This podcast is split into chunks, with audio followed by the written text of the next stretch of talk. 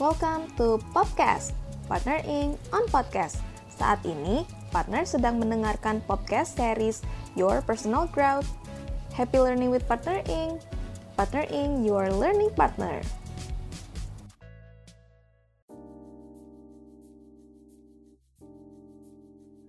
Halo, aku Junita yang akan menjadi teman bicara hari ini. Saat ini, aku sedang menjadi Digital Learning Content Writer intern di Partner Inc. Hari ini aku tidak sendiri nih, ada Viola, salah satu partner aku, dan dia bakal temenin aku buat ngobrol-ngobrol hari ini dan berbagi hari ini. Hai Viola, boleh perkenalkan diri dulu? Halo partners, aku Viola yang bakal nemenin Junita untuk ngobrol hari ini.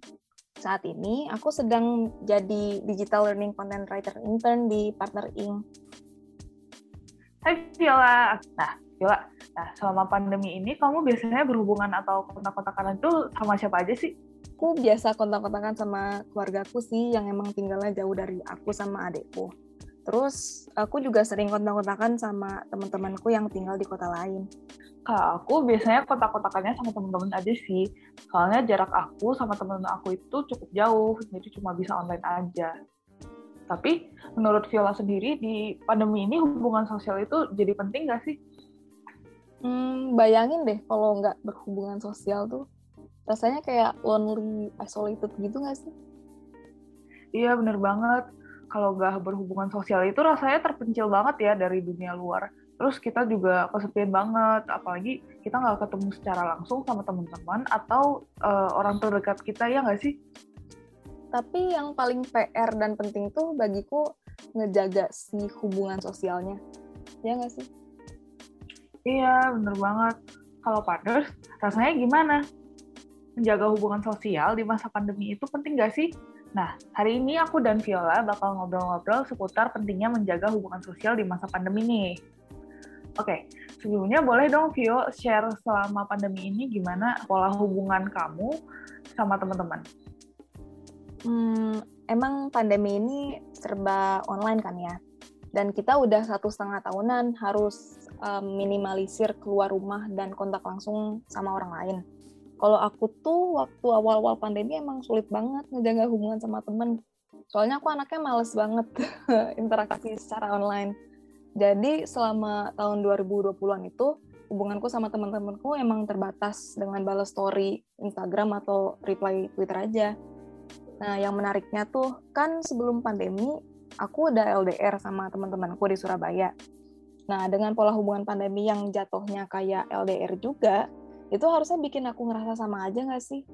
Tapi malah masa pandemi gini bikin aku semakin insecure dan stres dibanding sebelum pandemi dalam ngejaga hubungan sosial itu sendiri. Hmm, jadi memang ada insecurity sama stresnya itu ya buat di pola hubungannya. Kalau aku anaknya juga kurang aktif online dan media sosial gitu, jadi memang jarang banget buat interaksi sama teman-teman aku paling ya lewat line atau Twitter kalau misalnya ada interaksi. Tapi di pandemi ini aku usahain banget sih buat menjaga link di antara aku dan teman-teman aku, misalnya dengan share-share ke keseharian kita gitu. Aku sebenarnya cukup nyaman berhubungan sama orang-orang yang sedikit. Tapi memang ada sedikit kecemasan sih kayak Vio tadi buat menjaga hubungannya. Misalnya kayak ada rasa-rasa gimana ya kalau misalnya teman aku makin dikit, orang memang udah dikit gitu. Iya kan? Jadi kenapa kita atau aku yang lebih stres ngejaga hubungan pada masa pandemi ini ya karena memang pandemi ini kan kita nggak tahu kapan selesainya. Jadi nggak ada gambaran atau bayangan kapan aku bisa ketemu sama teman-temanku lagi. Di sisi lain, aku yang waktu itu nggak seberapa suka berhubungan secara online, jadi takut what if teman-temanku kayak berkurang gitu. Iya bener banget kata kamu Junita. Iya. Oke, kalau gitu menjaga hubungan sosial di masa pandemi itu buat insecurity, buat kita cemas, buat kita stres. Kenapa sih penting banget buat jaga hubungan sosial pada masa pandemi? Hmm, aku ada baca artikel kesehatan gitu kan.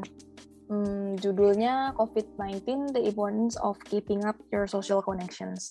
Jadi berdasarkan artikel tersebut, tidak adanya interaksi sosial antara individu itu dapat menyebabkan ada resiko seseorang terisolasi, kecemasan, kegelisahan, dan kehilangan koneksi diri kita dengan teman, keluarga, dan orang lain, itu dapat mempengaruhi kesejahteraan atau well-being kita. Terus, dengan masa pandemi yang ngehambat kita untuk bertemu secara langsung, menjaga relasi sosial pada masa pandemi itu sendiri semakin penting. Bagaimana cara ngejaga relasi tersebut? Ya dengan berkomunikasi secara online. Kan ngelihat kita sebagai generasi muda yang udah terbiasa juga jadi menjaga hubungan sosial pada masa pandemi ini memang penting ya, di mana kita bisa diaplikasikan secara online. Tapi menjaga hubungan sosial secara online ini opsi terbaik gak sih buat kita di masa pandemi ini? Soalnya buat aku berhubungan secara online itu memang gak bisa kalahin uh, kalau misalnya kita ketemu langsung, ya nggak sih? Bener banget. Orang-orang termasuk aku ya memang lebih prefer untuk menjaga hubungan sosial secara langsung. Nah, tapi situasi pandemi dengan penularan yang cepat serta ketahanan imun setiap orang yang beda itu menjadikan aturan untuk tetap berada di rumah dan menjaga jarak jadi opsi terbaik kan. Itu pun menjadikan menjaga hubungan sosial secara online menjadi opsi terbaik. Memang beberapa orang nggak suka kan, namun melihat kita dapat melalui pandemi ini selama lebih dari setahun, dengan berhubungan secara online serta membatasi ketemu langsung sama orang-orang, itu ngejadiin kita secara nggak sadar lebih terbiasa nggak sih? Aku ingat kata temenku itu gini, I believe there's always time and place for everything. Itu yang bikin aku lebih optimis dan percaya uh, we can get through this. Pandemi ini bakal berakhir kok. Kita harus sabar dan menyesuaikan lagi. Cringe tapi gitu. Ya, menarik banget sih uh, memang berusaha berpikir positif itu bisa hilangin overthinking buat beberapa saat. Karena aku juga prefer menjaga hubungan sosial secara langsung sih. Tapi kalau dipikir-pikir ya, selama satu setengah tahun berhubungan sosial yang hampir online semua, aku merasa menjaga hubungan sosial secara online itu not so bad, nggak nggak seburuk itu gitu. Mungkin bisa dibahas juga, Vi, apa perbedaan hmm, antara menjaga hubungan sosial secara online dengan menjalin hubungan sosial secara langsung sebelum pandemi biar kita tahu plus minusnya apa jadi jelas beda ya berhubungan secara langsung seperti sebelum masa pandemi dengan berhubungan sosial secara online. Apa bedanya? Kita pasti prefer berhubungan secara langsung karena selain bisa melihat langsung teman kita atau ngelakuin kegiatan bersama interaksi tuh kerasa lebih mengalir nggak sih? Berbeda sama berhubungan sosial secara online yang kayak chatting atau telepon gitu. Kalau untuk chatting, beberapa dari kita mungkin bukan text person juga, jadi cenderung kagok untuk ngetik atau diskusi panjang-panjang dalam chat. Selain itu, chatting itu bagiku juga kurang ngalir sih, karena kita butuh waktu untuk mikirin balasannya. Nggak kayak bicara langsung yang bisa dilakukan uh, secara spontan. Mungkin telepon memang mirip sama hubungan secara langsung, tapi uh, adanya masalah jaringan serta keterbatasan untuk ngelakuin kegiatan bersama itu yang ngebedain yang ngebedainnya sama hubungan langsung. Hmm, aku tuh kurang relate sama orang-orang yang bukan text person. Kayak sih susahnya balas cinta aja gitu sekalian curhat. Tapi beneran deh, kenapa sih uh, Vi ada beberapa orang yang sulit menjaga hubungan sosial secara online? Hmm, karena aku termasuk bukan text person dan kurang suka berhubungan secara online, uh, aku akan mewakili jawaban seluruh orang yang nggak suka berhubungan secara online juga ya. Jadi ada ya ada yang nggak suka platform media sosial yang beragam dan ruwet fiturnya, itu biasanya boomer sih. uh, ada yang ngerasa berhubungan secara online itu tidak terasa alami atau spontan, ada yang memang nggak suka berlama-lama uh, berada di depan layar handphone atau laptop dan lebih senang quality time tanpa gadget. Terus ada lagi yang ngerasa hubungan sosial secara online itu hambar, sehingga lebih baik untuk ngurangin intensitas chatting online. Tahu nggak sih kalau beberapa orang dapat ngerasa socially drain atau capek lelah aja gitu ketika berhubungan secara online? Ini aku sekalian cerita pengalamanku ya. Jadi waktu awal masa pandemi, sekitar bulan Maret, April 2020 gitu, aku termasuk orang yang gampang lelah berhubungan online sama orang-orang. aku ngerasa sedih aja gitu loh kenapa sih di story orang tuh nggak ada aku gitu loh. Kayak bisa ngelihat kehidupan orang tapi ngerasa distant gitu loh. Terus juga uh, mengekspresikan diri di platform kayak Twitter gitu-gitu awalnya aku seneng. Tapi lama-lama kayak insecure sendiri dan capek aja aku sampai sempet deaktif Twitter sama Instagram juga sih. Sering. Dan hasilnya adalah hubunganku sama teman-teman bener-bener gak intens. Jadi ya itu berhubungan secara online itu melelahkan dan itu terjadi pada beberapa orang. Dan sangat normal. Oh jadi alasan beberapa orang sulit menjaga hubungan sosial secara online itu karena dunia sosmed itu menjadi stresor tersendiri ya buat beberapa orang. Aku punya pertanyaan lagi nih, Vi. Kan tadi kita udah bahas kalau menjaga hubungan sosial secara online itu memang opsi terbaik pada masa pandemi ini. Nah, berhubung kamu juga salah satu yang terkena stres akibat kehidupan sosial media, menurut kamu ya, apa upaya menjaga, uh, apakah upaya menjaga hubungan sosial itu uh, dapat menjadi faktor stres baru di masa pandemi ini. Tahu nggak sih kayak ketika secara nggak langsung dituntut socially active gitu loh, secara online. Ngerasain nggak kamu? Oh iya iya, paham banget. Dan jawabanku iya. Upaya menjaga hubungan sosial itu sendiri jadi faktor stres yang baru pada masa pandemi. Uh, kan tadi kita udah bahas tuh kalau menjaga hubungan sosial secara online emang menjadi opsi terbaik pada saat ini dengan beberapa orang yang sulit berhubungan sosial secara online, hal ini dapat berdampak pada renggangnya hubungan kita sama teman-teman atau kerabatnya gitu kan. Ini sebenarnya relatif, tergantung pada hubungan dengan teman atau kerabatnya yang mungkin aja tetap awet kalau berhubungan secara online. Tapi e, membayangkan renggangnya hubungan dengan orang-orang karena nggak suka berhubungan secara online itu yang bikin stres sendiri.